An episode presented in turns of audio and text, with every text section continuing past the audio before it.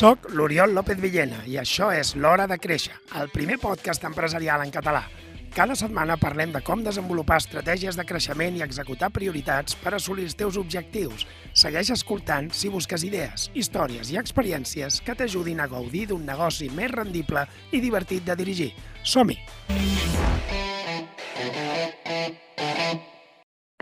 Bé, benvinguts a l'Hora de Créixer una altra vegada. Després de molt de temps, recuperem un format que per mi és molt especial perquè ens permet a tots aprendre sobre empresa i ens permet aprendre sobre empresa amb protagonistes, és a dir, amb gent que, que ja han estat ficats d'una manera o d'una altra, ja sigui des de dins de les empreses, quan parlem amb empresaris o directius, o com des de fora, quan parlem amb, amb tot tipus d'experts que ens ajuden a, a treure l'entrellat d'algunes de les situacions que vivim avui.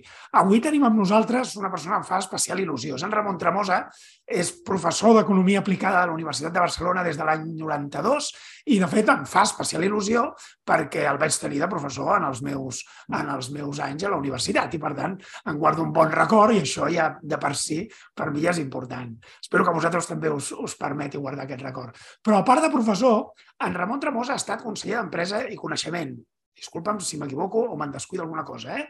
diputat al Parlament Europeu durant 10 anys, on va ser membre dels comitès d'Economia, Transports i Comerç Internacional, va ser diputat ponent, entre altres, de la supervisió financera europea, dels informes del BCE, de, de competència, pel que avui espero aprendre'n molt, de logística, comerç i finances aplicades a l'empresa. Per últim, en Ramon Tremosa és autor de múltiples llibres, no, no, no els he dut tots aquí, d'acord, dedicats majoritàriament a l'economia catalana i la seva relació amb l'entorn. Destaquen, sota el meu punt de vista, els dedicats al dèficit fiscal, a la logística i, darrerament, a l'energia i, per suposat, el que jo considero un magnífic llibre, que és què fan, ei, m'he equivocat, què fan els bancs centrals de l'any 2019, on podem veure, i d'una manera divulgativa, la seva visió de la política monetària europea i el com aquesta pot haver dut, o no, ara ho parlarem, a la inflació actual, entre d'altres causes, sobre les quals en parlarem després. El seu darrer llibre és Energia sobirana, escrit amb el Jaume, amb l'enginyer Jaume Morron, que ens parla també d'un tema que afecta de ple no només al país i al món, sinó també a les empreses eh, en el dia a dia. Us el recomano. Però anem per feina, Ramon. Benvingut. Moltes gràcies, Oriol. Un plaer estar aquí i parlar amb vosaltres. Mira, m'equivoco, Ramon, si dic que la teva passió el comú denominador que jo he anat detectant en, tot, en tota la teva trajectòria és la millora de la competitivitat de Catalunya? Sí, és a dir, jo eh, vaig estar 20 anys de professor a la Universitat de Barcelona i recordo aquells anys com uns anys on eh, jo participava molt en debats de la ràdio, a la televisió, escrivia articles a diferents diaris, vaig començar a escriure llibres i sí que és veritat que, que, que sí, que com altres professors d'altres països, ells intenten aportar solucions als problemes i als dèficits dels seus països. No? I en aquest sentit no vaig fer res estrany que estigui fent un professor anglès a Londres d'Economia que tingui un interès doncs, en el país que viu, i, i francès a França, alemany a Alemanya, americà Estats Units, i, i sí, seguiríem així. No? Per tant, no em sento... Passa que sí que, sí que és veritat que, que, que sí, que he escrit molt, però vaja, perquè tenia temps per fer-ho, no? I ganes i gust de fer-ho. No, i a més és molt divulgatiu, és a dir, la manera com escrius, eh, jo ho recomano molt sovint i he, he regalat molts dels teus llibres perquè precisament podríem dir són llibres que s'entenen, és a dir, que, que parlen d'economia i parlen de conceptes que a vegades poden ser complexes i els parlen de la manera més entenedora possible. Tampoc ens enten, tampoc pensem que, que es pot entendre molt, molt, molt fàcilment si no, si no tens un interès. No? I jo he tingut la sort de, d'estar 20 anys fent classes, he tingut milers d'alumnes. Eh, eh, clar, eh, un professor a la universitat doncs, podia fer quatre grups a l'any, per tant tenies eh, 400, 500 alumnes cada any i, i, i clar, tu has de fer l'esforç d'explicar conceptes econòmics. I per tant jo tinc moltes hores de vol intentant posar exemples, intentar explicar eh, conceptes econòmics a gent que encara no és economista. I, per tant, jo sempre que he escrit llibres i articles i m'he explicat a la tele i a ràdio, he intentat explicar conceptes sabent que al davant tens un no economista però que ho ha d'entendre. No? I aquí hi ha una mica l'èxit i la clau de la comunicació. No? Clar. I llavors, des de la teva experiència a la universitat, Com veus l'estudiant català? Bé, eh, Catalunya forma part d'Occident. Occident té unes dinàmiques i una tendència i una evolució que és bastant comuna, no diré igual, però sí eh, bastant comuna i, i, per tant, vivim una revolució sense precedents, que són les noves tecnologies i que això té un impacte en molts àmbits de la vida. Per exemple, en aquesta conferència, en aquesta teleconferència que estem fent, no? Sí eh, no presencial. No? I, i, i, i clar, això és una revolució mai vista. No? Això també impacta l'ensenyament. No? I llavors, eh, bé, en termes agregats, Catalunya ha sofert unes onades migratòries en els últims 20 anys que per força li els nivells educatius.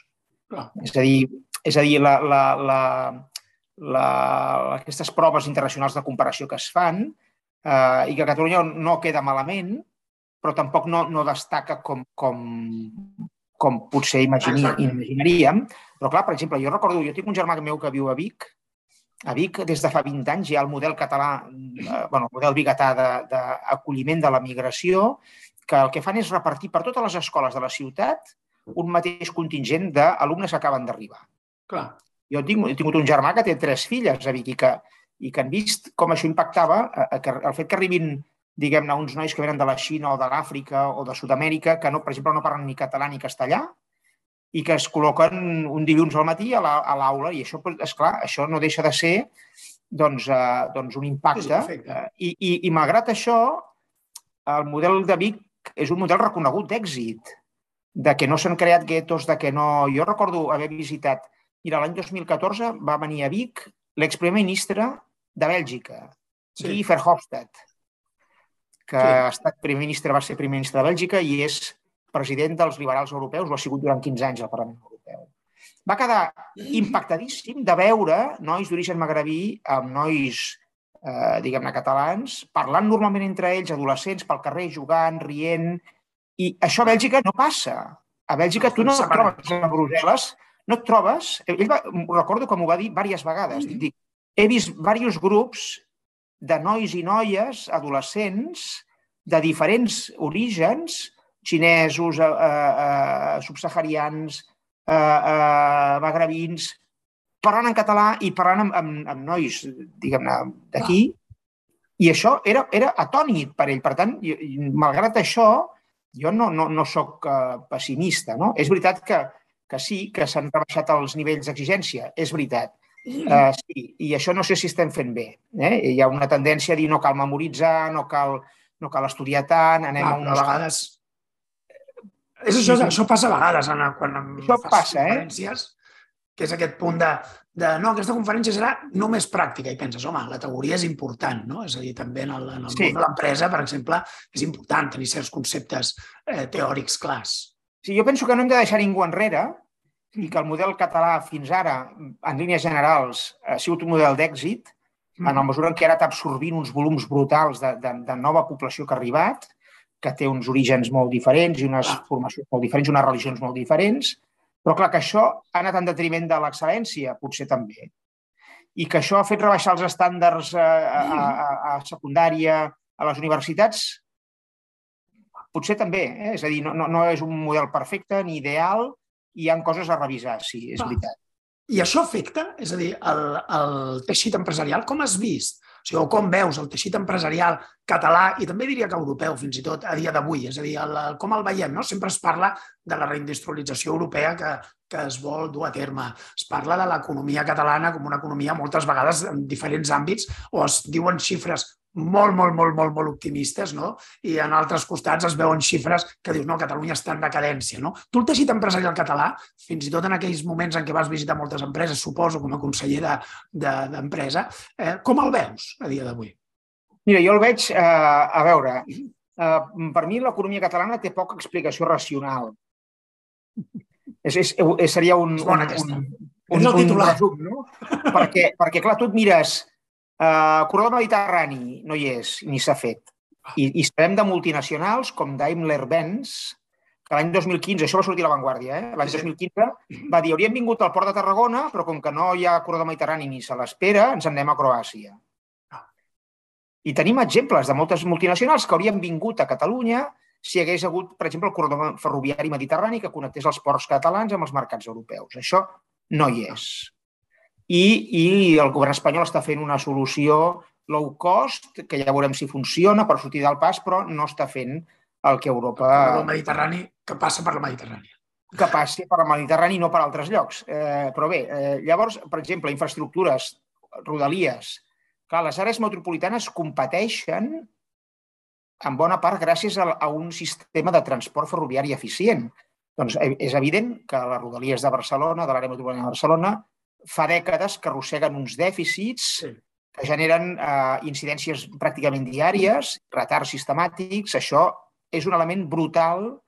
És a dir, fixa't, les competitivitats de, la, de les regions més capdavanteres depèn de, de, de mercaderies, tràfic ferroviari de mercaderies i de rodalies, més que de l'alta velocitat. I aquí a Catalunya, com que això depèn de l'Estat, és un zero. Tenim un sistema centralitzat de ports i aeroports que no ens deixa fixar tarifes per competir amb els nostres competidors internacionals. El port de Barcelona té la mateixa tarifa portuària que el port de, de, de Gijón. I això és una visió centralista única en el món i, en canvi, no podem fixar tarifes per competir amb Rotterdam. El port de Rotterdam, a més, és el competidor del port de Barcelona. Ah. Podem fixar tarifes des de Barcelona per competir contra Rotterdam, perquè estem lligats per la tarifa que ens imposa Madrid. El mateix passa amb l'aeroport de Barcelona. I no cal dir que hi ha un sistema centralitzat de gestió que perjudica els aeroports catalans. Per tant, hi ha uns elements diguem-ne, de competitivitat macroeconòmica derivada de les infraestructures i del marc institucional espanyol que van en contra de l'economia catalana i, i, i això a València li passa factura i a, i a Catalunya també. I, però malgrat això, l'economia catalana, tu et mires moltes coses i, no, i, i, i, i donen resultats extraordinaris, no? molt bons. Això, uh, això allò una mala salut de ferro, no? És aquell punt de... Una mala salut de ferro que no dura sempre, eh? i ja. per tant hauríem de les coses.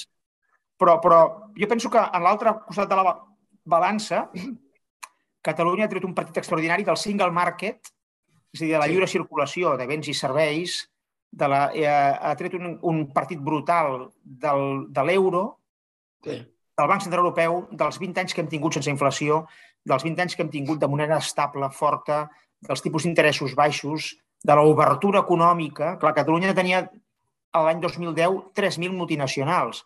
El 2020 hi havia eh, 9.000 i escaig.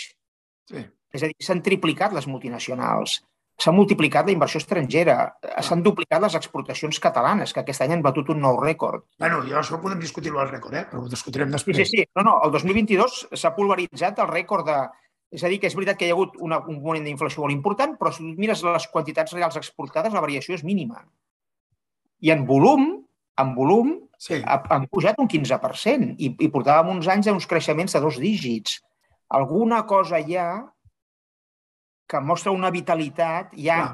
9.000 multinacionals a Catalunya, hi ha 500.000 pimes, hi ha, hi ha, hi ha un rere país, allò que en diríem hi ha un rere país. Hi ha, una empresa... hi ha 3 milions de salariats, home, hi hauria una massa, i, jo com a conseller d'empresa, que vaig ser-ho gairebé un any, vaig visitar 150 empreses, moltes pimes que em van deixar absolutament descol·locat.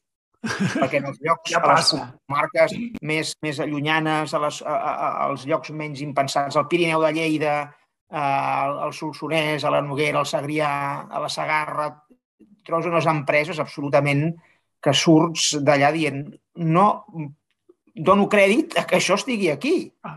a que això passi aquí dalt. Ja ho diuen. Diuen que, no, no sé què li vaig sentir dir una vegada, que deia que les nissagues es fan als pobles, no a les ciutats, no? És a dir, en el, en el, no, no sé qui, quin autor, em sembla un autor anglès, no?, que ho deia, però vull dir que, que no es fa a Londres, la nissaga. No? Les nissagues neixen a, a, a pobles eh, del voltant. Llavors, el, te, m'has avançat, com ja esperava. D'acord? Has parlat de logística, has parlat de... Per mi, la logística, ara, ara que ho comentes, sempre parlem d'aquest punt de, de... És obvi que és un repte afronta el nostre teixit empresarial. Només cal parlar amb empreses industrials i, i veure com com, com intenten o com venen a l'estranger i com es troben amb aquesta dificultat eh, a l'hora de, de transportar mercaderies d'una manera eficient i no només de temps, sinó a vegades de preu. No? Llavors, això és, és obvi que passa així. El, tu, però tu defenses, i defenses de fa molts anys, en el, el darrer llibre que ho vas dir, eh, va ser aquest de Catalunya potència logística natural, no? però, però ja n'havies escrit algun altre, com aquell diria que es deia Catalunya serà logística o no serà, d'acord? Tu defenses Catalunya, per posició, fins i tot diríem geogràfica, no? Eh, i per teixit empresarial, eh, és una potència logística natural, no? Sí, és a dir, eh, mira, eh, en aquest llibre que has esmentat últim, eh, faig una comparació molt curiosa. Els catalans no saben ni tan sols que el port de Barcelona avui supera el port de Marsella i el port de Nàpols i el port de Gènova en valor afegit, en volum de contenidors. Això no havia passat mai en 2.000 anys d'història. Tu te'n vas a l'imperi romà, tu mires mapes, quins eren els ports més importants, les àrees més importants, Barcelona, Tarragona, València eren a la cua, eren simples platges portuàries. Tenien un turó, com és el cas de Montjuïc, com sí. és el cas de, de Tarragona, on hi van fer un quartel els, els romans per fins militars. Però els grans ports naturals, Marsella, Gènova, Nàpols, són grans badies protegides dels temporals. En el cas de Marsella, amb un riu com és el Roina cabalós, que permetria entrar fins a Lió i fins a França endins, per tant, una ruta brutal de comerç, o, per exemple, el port d'Hispalis a Sevilla, amb el, amb el riu Guadalquivir. Sí. Clar, eh, és a dir, a, a, a, mm, a l'edat mitjana, Pierre Vilar diu que bé, sí, va haver-hi un esplendor comercial de Catalunya, de Barcelona, València, va haver-hi el, el, eh, el Consolat de Mar, que és una gran aportació catalana a la humanitat, un codi de comerç de pràctiques marítimes, però sempre Gènova, sempre Venècia, sempre mm, les ciutats italianes passaven per davant de Barcelona, limitaven la seva expansió. Mm-hmm. Avui en dia, València, Tarragona, Barcelona són de llarg els ports logísticament més importants de la Mediterrània occidental, molt per davant de Marsella, Gènova i Nàpols. Això ha passat, malgrat nosaltres, sense corredor mediterrani, sense que el govern espanyol fes res perquè això passés, sense el govern català fer res perquè no podia, perquè això passés. Ho ha donat la dinàmica del mercat. Àsia és la gran fàbrica del món, Europa és el gran continent en poder adquisitiu, el canal de Suez ha convertit la Mediterrània una altra vegada en el mare nostrum del comerç, ah. en el mar més important del món en volum de comerç. I aquí Catalunya té la sort que va fer una revolució industrial al segle XIX, finals del XVIII, principis del segle XIX, que no va fer ni Marsella, ni Gènova, ni Nàpols. I, per tant, té una posició de partida que, amb aquesta obertura comercial que li ha donat la Unió Europea i l'euro, li ha permès tirar milles malgrat el centralisme d'estat. Donaré una prova. Ara és un diputat del Parlament de Catalunya. Vam visitar l'aeroport de Barcelona al setembre amb una delegació de 15 diputats. Ens diu la directora de l'aeroport de Barcelona. Aquest any 2022 hem recuperat pràcticament totes les rutes intercontinentals que teníem abans de la Covid. I s'ha produït amb una intensitat brutal. Recordo que fa un any, al gener del 22, encara teníem l'Omicron, encara teníem eh, restriccions a restaurants. Però durant el 2022 s'han recuperat pràcticament totes les rutes internacionals. I ens diu la directora de l'aeroport de Barcelona, si no hi hagués hagut la guerra d'Ucraïna i de Rússia, que ha tancat aquests mercats que eren molt potents a Catalunya, i si no hi hagués hagut durant el 2022 el tancament de la Xina per, per Covid, perquè encara ells encara estan en fase de, de limitar eh, la, la mobilitat, etc etc, l'aeroport de Barcelona gairebé hauria arribat al tràfic del 2000 19, que van ser 54 milions de passatgers, que és una brutalitat.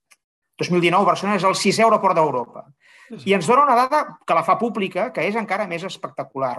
Air China, la companyia de vols de la Xina, sí. des de fa dos anys està pagant dos slots a l'aeroport del Prat que no fa servir. Perquè el 2019 hi havia un vol directe de Barcelona a Pequín i un altre de Barcelona a Xangai. I per no perdre aquests slots, quan, per, quan es recuperin els tràfics, els està pagant cada sis mesos. Això no passa en lloc del món. Que la, una de les companyies més grans del món, com és Air China, això perquè vegis tu el potencial que té Barcelona i Catalunya per, per Air China i pels xinesos. És a dir, aquests dos vols paguem els slots perquè si no els perdem, i com que l'aeroport de Barcelona eh, està al límit de capacitat i li falta una terminal satèl·lit, doncs, doncs Air China està pagant els slots sense fer-los servir. Això no passa en lloc del món. Això és una mostra de que vist des de fora hi ha un gran potencial. De fet, podríem dir, i de fet ho has mencionat, eh? és a dir, eh, jo el, el que he anat aprenent és que Catalunya i el teixit empresarial català, jo crec que la societat catalana es beneficia de la llibertat, no? Ja no, ja no en termes només polítics, sinó que quan el mercat és més lliure, més iniciativa hi ha en aquest país a l'hora de cobrir espais. No? L'aeroport és un bon exemple, perquè jo, sense, ser sense saber-ne eh, gaire, podríem dir, no és el meu món, eh, la meva sensació és que allò famós que es diu no? de, la, de la companyia de bandera, no tenim cap companyia de bandera, crec que en certa manera, en alguns aspectes ha perjudicat, però en certa manera ha beneficiat Barcelona. O sigui, ha permès viatjar des de Barcelona i venir a Barcelona amb, amb una competència pràcticament, no, no, no diré perfecta, perquè òbviament els slots es donen i la, la gestió a l'aeroport és, és, és pública i a més centralitzada, d'acord? Però amb una competència molt millor i molt més eficaç que la competència que hi ha a aeroports on hi ha, per exemple, una companyia de bandera. I... Sí, però fixa't que això també té servituds, perquè, per exemple, sí, no és lògic que, que, que, mm. que, per exemple, Vueling és una companyia de low cost, ocupi les millors terminals de la terminal 1 ah. de Barcelona. Bueno, això podria tenir un sentit, això podria tenir un sentit si Vueling alimentés vols, per exemple, de Level. El que, el que no pot ser és que, per exemple, l'any 2019 Norwegian oferia un vol de Barcelona a Oakland. Oakland és l'aeroport al sud sí, sí. de San Francisco de Silicon Valley. És, és el vol més important que tenia Barcelona. Doncs estava castigat a la T2, sí, sí, una terminal que el 2019 estava amb obres perpètues, obres eternes, que no tenia sala VIP. Per tant, quina imatge dones tu a una persona que ve de Silicon Valley al World Mobile Congress el 2019, que arriba amb una terminal absolutament eh, de, de tercera categoria. No, no, I, en canvi, I en canvi, la, la, i fixa't, ve el, la crisi del Covid, eh, moltes companyies es, es tanquen l'economia, es tanquen aeroports, es tanquen... Resulta que Norwegian diu eh, si no m'ajudeu, abandono Barcelona, el govern espanyol no fa res i Norwegian se'n va de Barcelona. I resulta que el govern espanyol se centra a ajudar una companyia que es diu Plus Ultra, que no coneixia ningú, que no sap quins vols oferia, i li dona 53 milions d'euros. I això va ser un escàndol tan gran que es van portar un ministre de Pedro Sánchez del davant, que era l'anterior ministre d'Infraestructures i de Transport, que era un pes pesant del PSOE. És a dir, ve una crisi molt forta i per Madrid hi ha ajudes fins i tot per, per, per Plus Ultra, mm. de Barcelona Norwegian, que oferia uns vols directes a, a Amèrica d'altíssim sí, valor ja, els, per els Catalunya. Jo havia anat a, a Silicon Valley un parell de vegades perquè portava el cas Google al Parlament Europeu ah. i, i, i, i per un vol que era fantàstic. Eh, no anaves molt còmode, sí. però, però, però bé, eh, et, et, et donava un servei. Ah. Pues, Norwegian ha desaparegut de Barcelona. Ara vol tornar, però li costarà molt refer aquestes freqüències. Sí, sí. I el que no té lògica és que... Eh, eh, eh, mira, jo, jo l'any 2017 era diputat a Brussel·les i participava a la Comissió de Transports i allà hi havia congressos aeroportuaris. Com que el 2017 van passar coses a Catalunya, sí. a mi em venien les més grans companyies del món a preguntar, escolta'm, si sou independents o confederals o federals... Què passa? Què passarà amb l'aeroport del Prat? Aquí donareu les slots, els slots de Vueling a la T1. Això m'ho preguntaven grans companyies asiàtiques i americanes. Perquè tothom sap que bueno, hi ha un interès. De la B24 a la B48 són portes que Vueling t'està oferint vols a Cartagena, a Eivissa, que són molt respectables, però són de 300 quilòmetres, de 500 ah. quilòmetres. I la millor terminal del millor aeroport t'ofereix vols directes a altres continents. Això és una anomalia que encara avui arrosseguem sí. a l'any 2023 del centralisme d'estat d'un model d'aeroport sí, que ve de l'any 70. És per això que, que això m'ha fet gràcia quan has dit de servitud, no? perquè m'ha recordat el llibre de, de, de Hayek, no? de Friedrich Hayek, de Camí de Servitud, i, i de fet es pot lligar amb la competència. No? És a dir, de fet, com més competència introdueixes eh, eh, en el mercat i en el mercat català, eh, millor ens van les coses, i no només català, sinó europeu. No? En el cas de, de l'aeroport, només caldria que els aeroports competissin, podríem dir, i fossin, i, i fins i tot, ja, ja no diré privats, però, però competissin entre ells i no estiguessin centralitzats no? perquè, perquè aquest tipus de coses passessin sense, de manera natural. No? I el, el... Et donaré una altra dada, 10 segons. AENA gestiona els aeroports de Brasil, mm -hmm. tots. Però el govern de Brasil li diu fes-me una gestió individual d'aquests ah. aeroports. Clar, és a dir, fins i tot quan AENA va fora a gestionar mm. aeroports, els fa de manera individual, com passa, passa també a Gran Bretanya. Sí. I, en canvi, Espanya ha centralitzat en perjudici dels aeroports catalans, valencians i balears i en benefici d'altres. Que són els que es beneficien més normalment de la competència.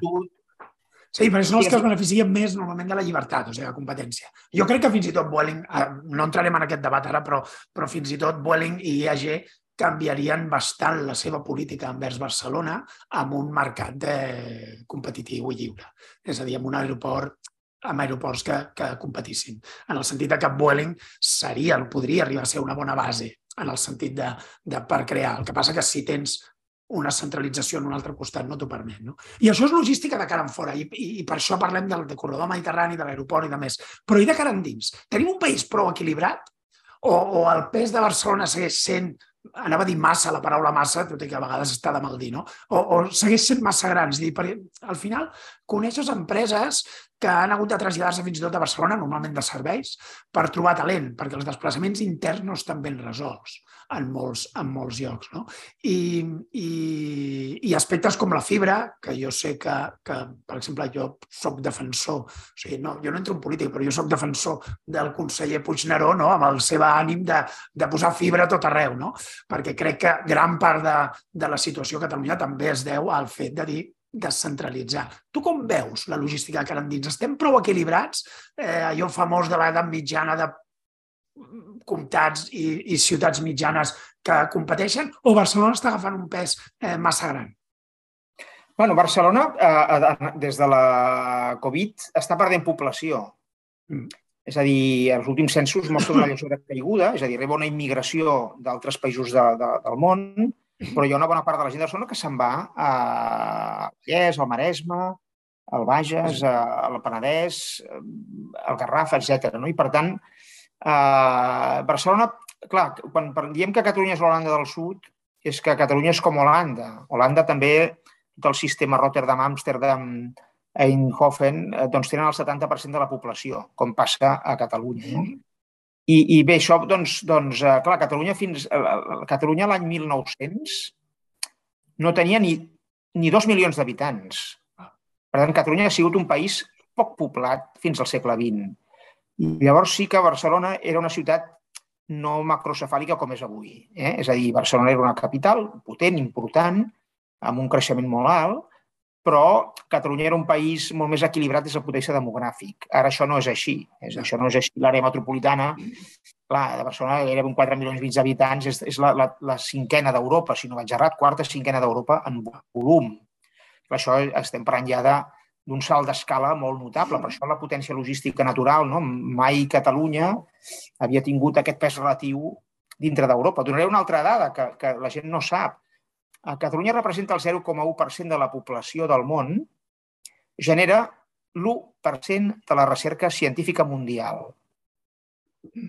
Per això es va celebrar aquí, l'any passat, un congrés d'educació superior a la Fira de Barcelona. I van venir milers de professors universitaris de tot el món.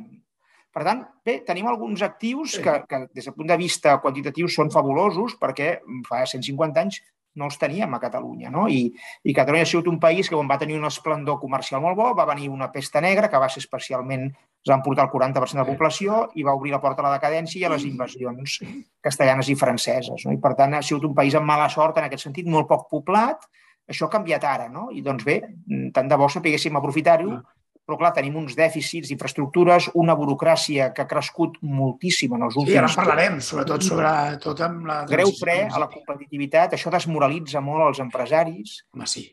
Tenim algunes actituds també de certs populismes polítics d'extrema esquerra que també van en contra de les lògiques de mercat i dels drets de propietat, que també generen inseguretat jurídica. Per tant, eh, hem de vigilar perquè tot el que tu has pogut guanyar durant 20 anys ho pots perdre en els 20 sí. segons.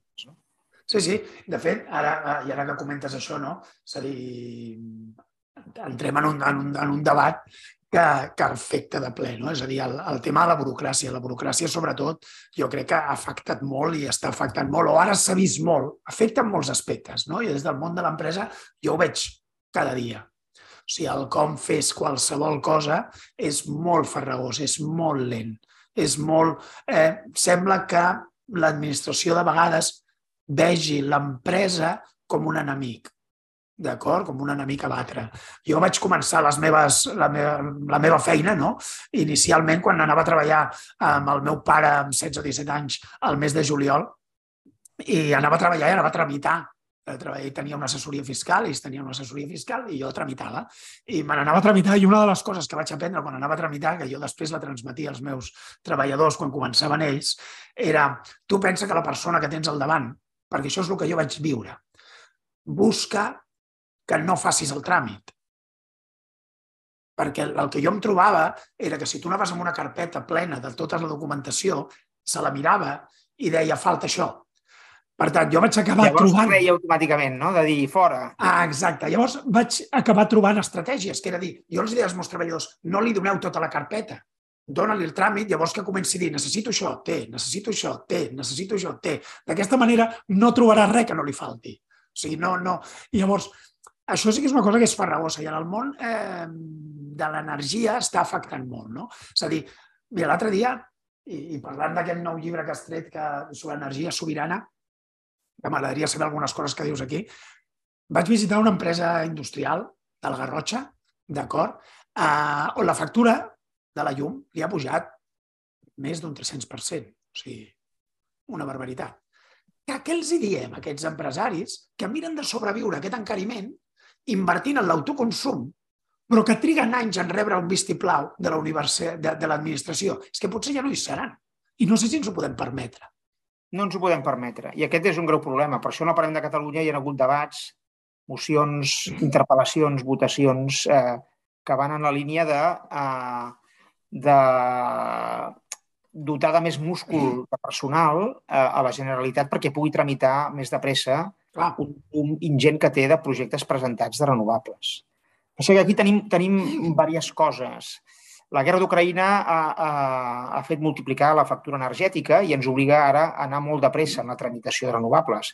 I suposa també el final de la, de la zona de confort d'Occident. Perdona, de perdona que t'interrompi, perdona que t'interrompi, sí. però algunes empreses ja la factura ja els havia pujat un 100, un 100 i pico per sí, sí, sí, sí, sí, sí, sí, En empreses sí. energívores d'aquestes que, que que sí. necessiten... Intensives eh, en energia, sí.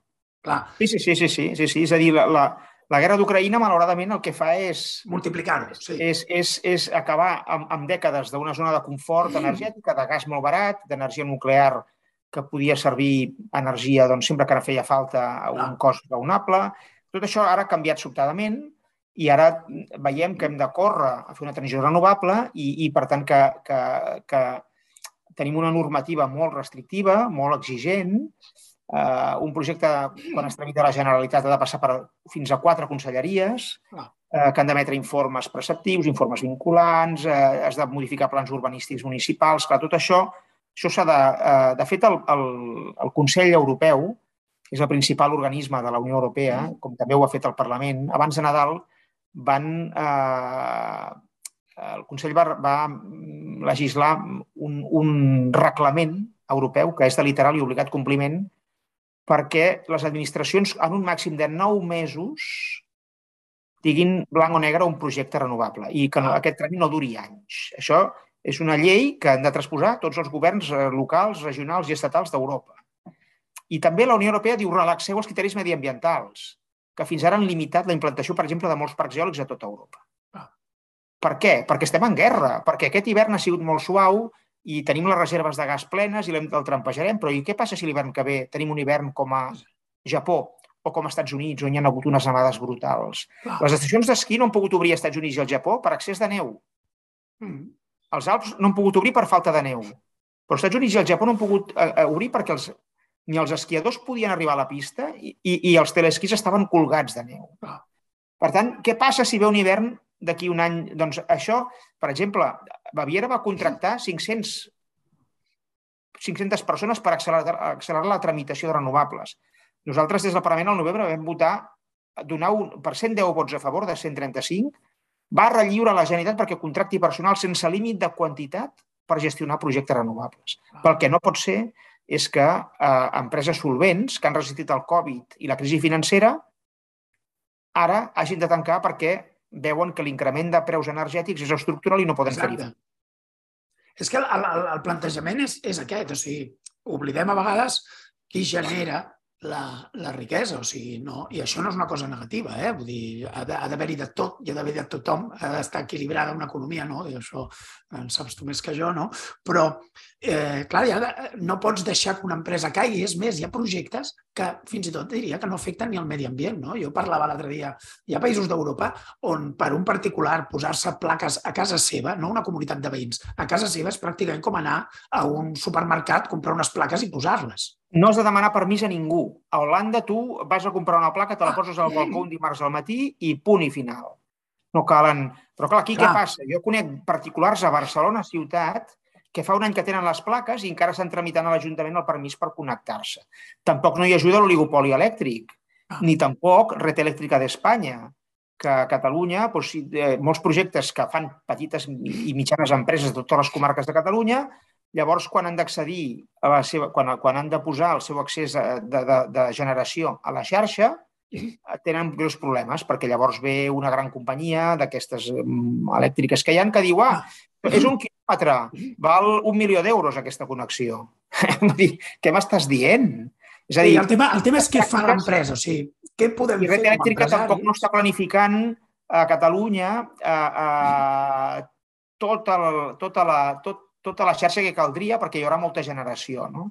Per això l'energètica pública de la Generalitat, que s'ha creat ara, hauria de suplir red elèctrica, per exemple, cablejant Catalunya allà on red elèctrica no hi vagi. No comercialitzant, sinó distribuint. Mm, és molt més important la distribució ah. que no pas la comercialització, que ja Això hi ha... Això s'ha demostrat a Barcelona Energia. S'ha demostrat en Barcelona Energia. Sí, sí, sí, sí, sí, que no ha sigut un èxit precisament. Són pèrdues absurdes. El, el... Hi ha una cosa que, que no sé fins a quin punt afecta les empreses, però em faria gràcia comentar i saber la, el, la, el detall, d'acord? Del teu llibre d'energia sobirana, hi ha un aspecte, més l'altre dia que pujava cap a Esterri d'Àneu, no? i m'hi vaig estar fixant no? en, els, en els diferents pantans que travesses i això, i recordava haver, anant a Taüll i passant per Arill de Noguera, que, que sé que és el, el poble on, diríem el teu, no? El meu, sí. El teu, i, i hi ha una cosa que em va, em va sobtar, no? quan parles d'aquestes centrals hidroelèctriques de bombament. I, I em van sorgir dues preguntes. Eh, primer, a, a, això què és? I, I la segona és, això amb manca d'aigua com funciona? Sí, a, bueno, a veure, l'aigua del, del bombeig, del bombament, és eterna. Sí. És a dir, no hi ha consum. Si tu fas, tens dos pantans connectats amb una turbina bomba, és a dir, que l'aigua baixa i turbina, però després tu no pots bombejar cap a dalt, l'aigua és sempre la mateixa i no hi ha consum. Eh? I, per exemple, el que hem de fer és declarar cabal ecològic aquella quantitat mínima d'aigua que permet el bombeig que sol ser d'un 4, 5, 6% de la, de la superfície d'un pantà. Per tant, en temps de sequeres futures que puguin venir, el bombament el que fa és, és que l'energia hidràulica no sigui només d'un sol ús, que l'aigua baixa i se'n va, sinó que sigui utilitzada infinites vegades. No? I això és una molt bona notícia. No? I clar, llavors les centrals de bombeig seran molt importants perquè l'eòlica i la fotovoltaica tenen un gran problema i és que com acumulem d'energia que no consumim. Exacte. Per exemple, ara hem tingut uns caps de setmana aquest gener amb un excés de vent molt gran, en què hi ha hagut una notícia molt interessant. Les, les centrals nuclears a Espanya, algunes, han reduït potència nuclear per donar entrada a l'energia eòlica, que entrava en gran quantitat en el sistema elèctric espanyol. Això és una magnífica notícia. Qui tancarà les nuclears serà l'eòlica. És un titular d'aquests preciós i fabulós. Però, clar, només podrem tenir eòlica i fotovoltaica massiva quan tinguem generalitzat el sistema de bombament, de bombeig en els diferents pantans de Catalunya. Què vol dir això? Què passa si fa molt de vent i fa molt de sol? Com acumulem aquesta energia que si no es perd? Doncs tu la fas pujar cap als pantans i fan pujar l'aigua del pantà inferior al pantà superior a un cost pràcticament zero.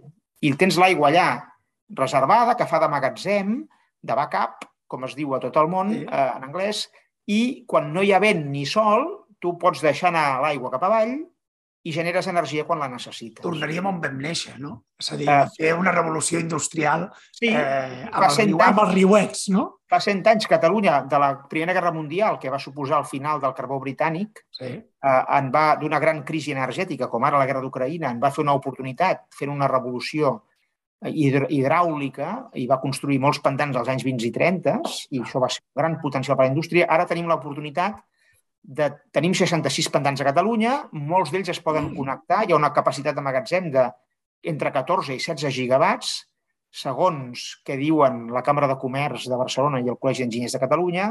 Per tant, aquí tenim una gran capacitat d'acumular excedents d'energia eòlica i fotovoltaica per quan vinguin eh, períodes hivernals on no fa sol i on no hi ha vent. Però saps què passa, Ramon? Que l'empresari es troba en una situació, és a dir, quan, quan els taxistes no estan d'acord amb alguna regulació, tanquen al carrer. Quan els mestres o els sanitaris això fan una vaga. Quan... És a dir, què pot fer un empresari quan demana certes coses com agilitzar eh, burocràcia o com, per exemple, dir com pot promoure o com pot eh, empènyer per aquest tipus d'actuacions com el bombament o l'energia eòlica o de més. Què pot fer? Bueno, el que ha de fer l'empresari és agrupar-se, és eh, federar-se. Per exemple, tenim exemple, un cas per mi d'èxit és la plataforma contra la morositat que ha impulsat Antoni Canyete des de PIMEC. Sí. A nivell estatal, que està posant contra les cordes les grans multinacionals de l'IBEX, sobretot les constructores. Eh?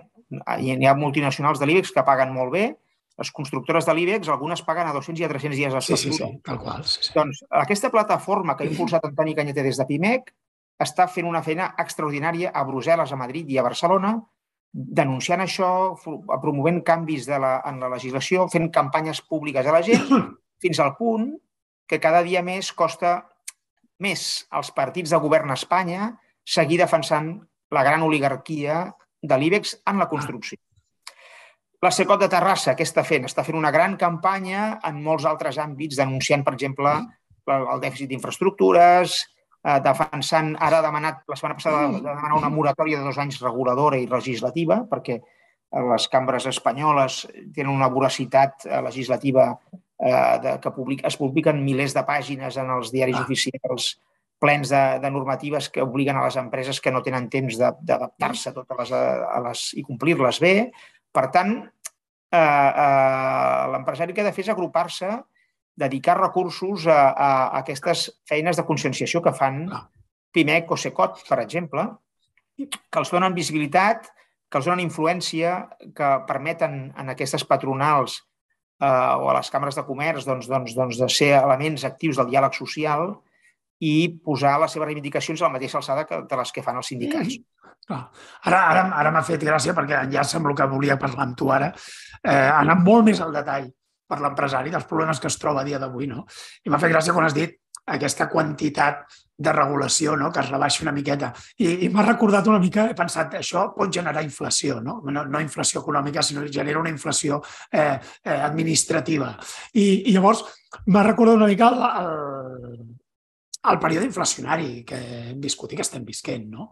I el, i el com eh, la, la sensació no, que tens, no? deia Peter Drucker, que té un llibre meravellós, que ja no s'edita, però, però si el trobeu, eh, jo us el recomano, que es diu Managing in Turbulent Times, i el primer, la primera part del llibre, però molt curta, o sigui, s'ho ventila en tres pàgines o quatre, parla de la inflació, no? i parla de que, diu, en períodes inflacionaris com el que vivim, tothom bat rècords de vendes i beneficis, però que tot això és fals perquè si una cosa és la inflació, és la destrucció de la riquesa, d'acord?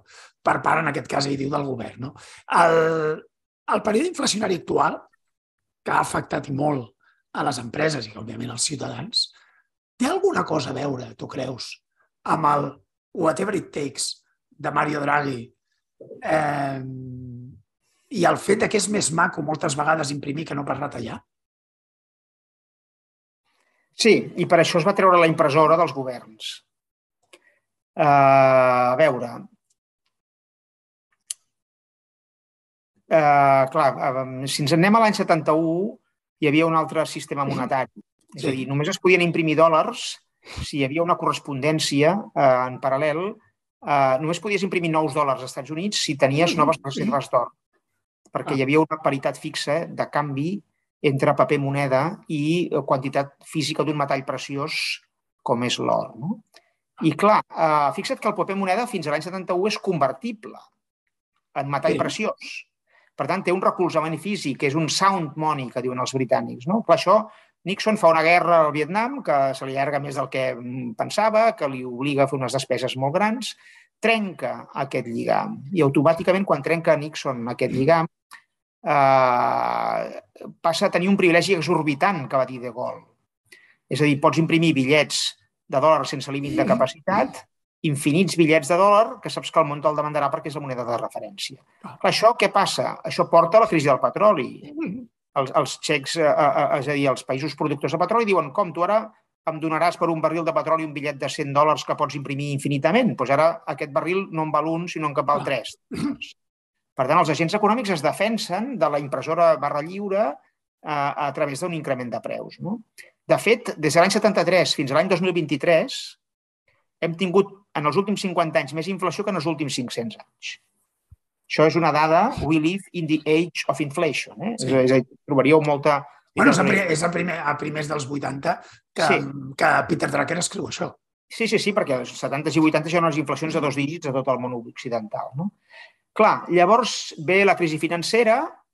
Eh, és veritat que sense els bancs centrals aquesta crisi hagués sigut molt més dura. I en el cas nostre, sí sense el Banc Central Europeu i Mario Draghi i el seu whatever it takes, eh, s'hauria possiblement trencar la moneda única. I no em vull ni imaginar com seríem avui sense l'euro i sense el Banc Central Europeu a Espanya. Seríem més, estaríem més a prop de Turquia i Argentina amb unes inflacions del 150% anual que no pas de la inflació d'Alemanya. No? Per tant, això per Catalunya ha sigut una benedicció i una salvació. Sí. No?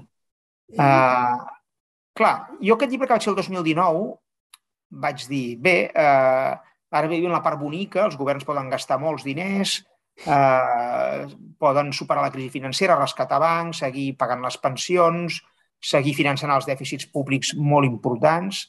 Espanya eh, bé, doncs ha triplicat el seu deute públic en, en 12 anys, en volum.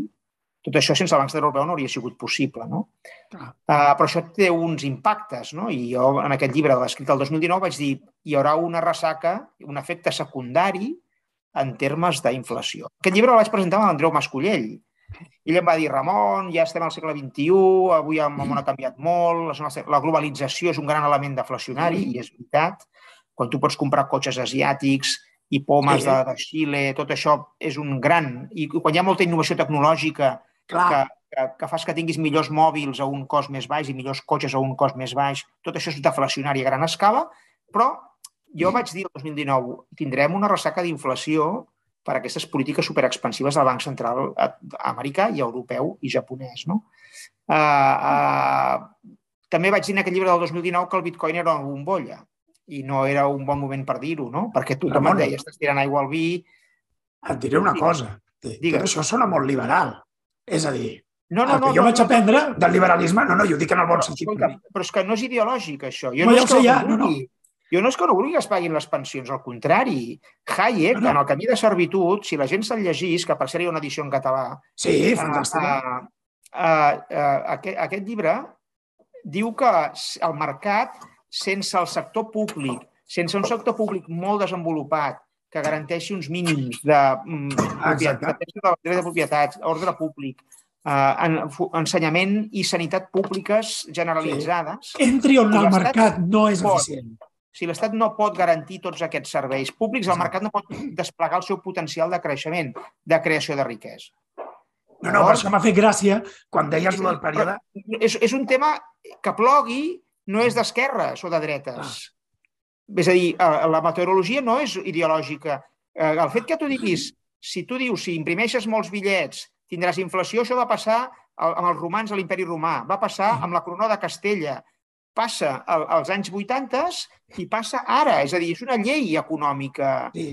Jo tinc la teoria, el que, tu, el que tu comentes, de fet, quan tu mires el segle XIX, el que tu has comentat de, de la, el moment en què en el mercat entren doncs, cotxes xinesos, coses de no sé què, el mercat és deflacionari. De fet, el, el, el segle XIX, que diríem que dins de tot és un segle com a més eh, lliure, no? perquè encara està tot creant-se, i, i demostra molt això, és a dir, els preus van a la baixa i perquè no vagin a l'alça, perquè l'empresa pugui mantenir beneficis, ha d'innovar.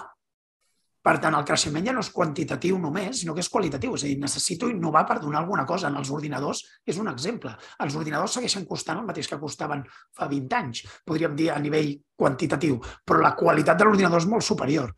I, I això jo crec, ara em ficaré en un terreny que potser no, no interessa tant a, a, a l'audiència, o potser sí, no ho sé, però, però que és un terreny econòmic.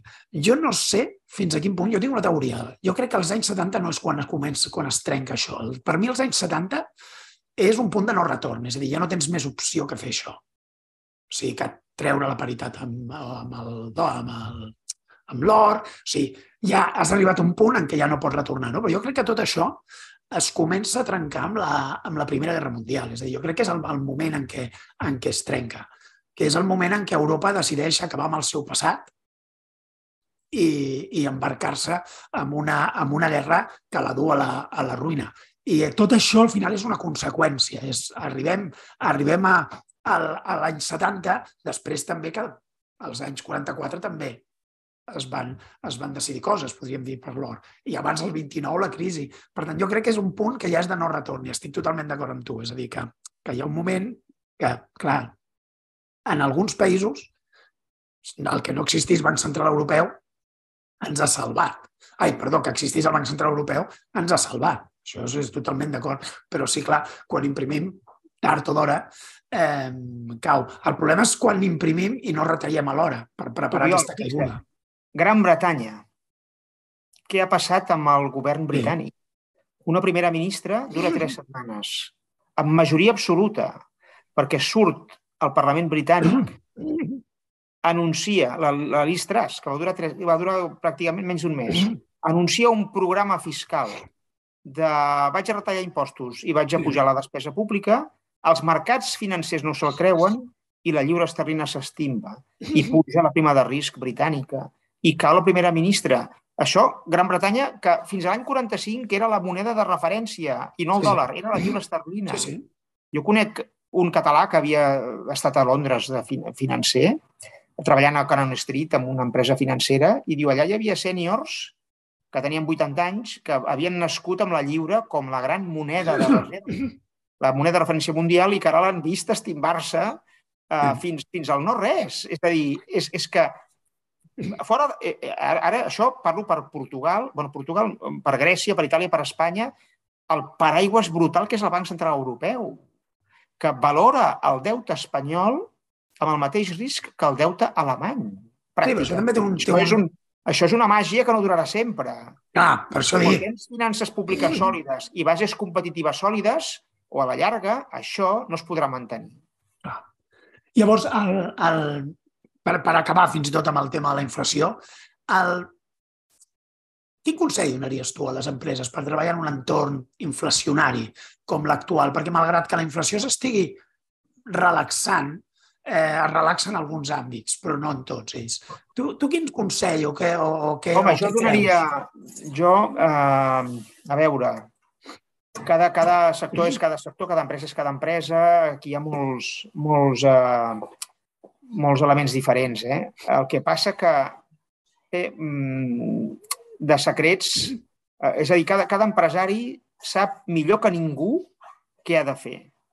És a dir, és fatal l'arrogància, que és un altre llibre de Hayek, sí. pensar que en un ministeri pot haver un senyor que té més informació que un empresari amb una pime i que aquell ministre li pot, donar, li pot imposar mesures fiscals sense el seu consentiment ni la seva aprovació pensant-se que té millor informació que l'empresari. Aquest és un greu error sí. de, de, de, dels buròcrates i dels que pensen que des del sector públic es lidera el progrés d'un país.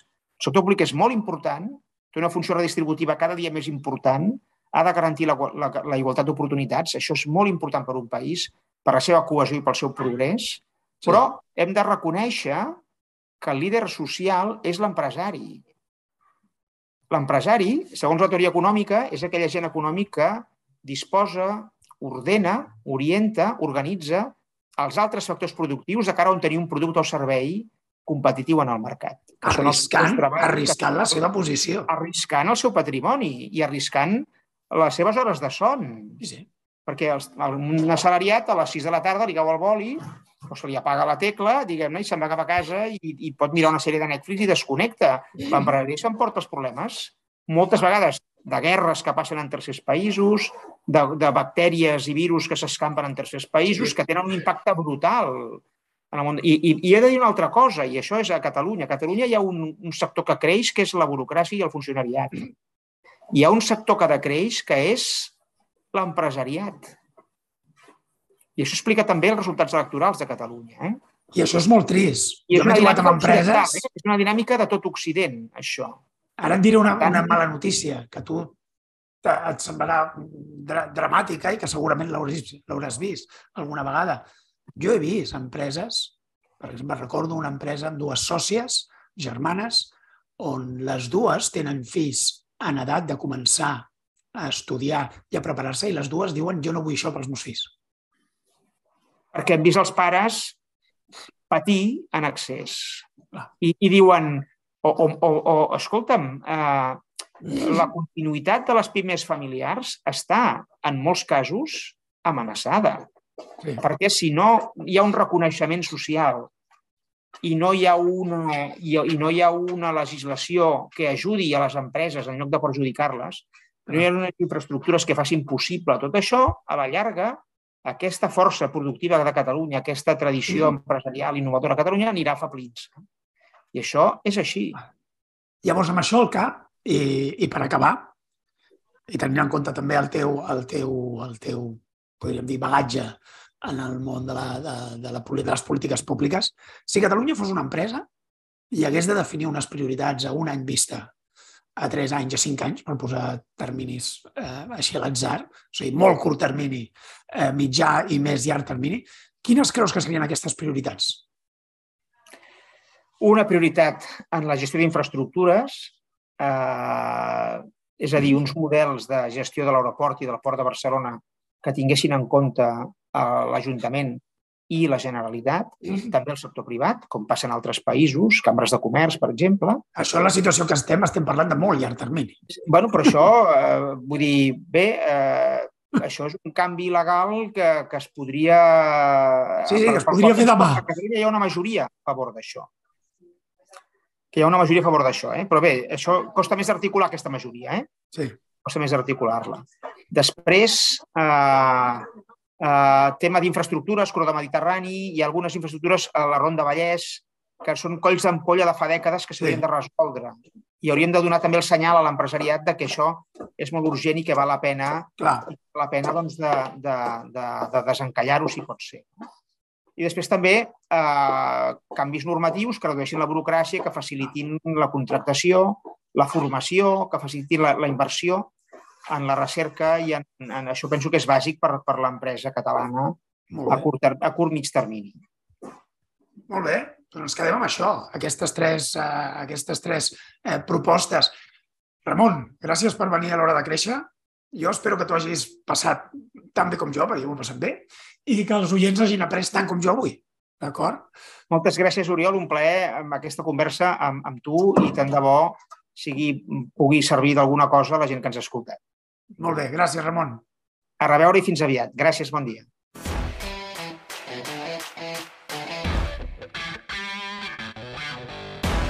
Gràcies per acompanyar-me en aquest episodi de l'Hora de Créixer. Si t'ha agradat, ja saps què has de fer.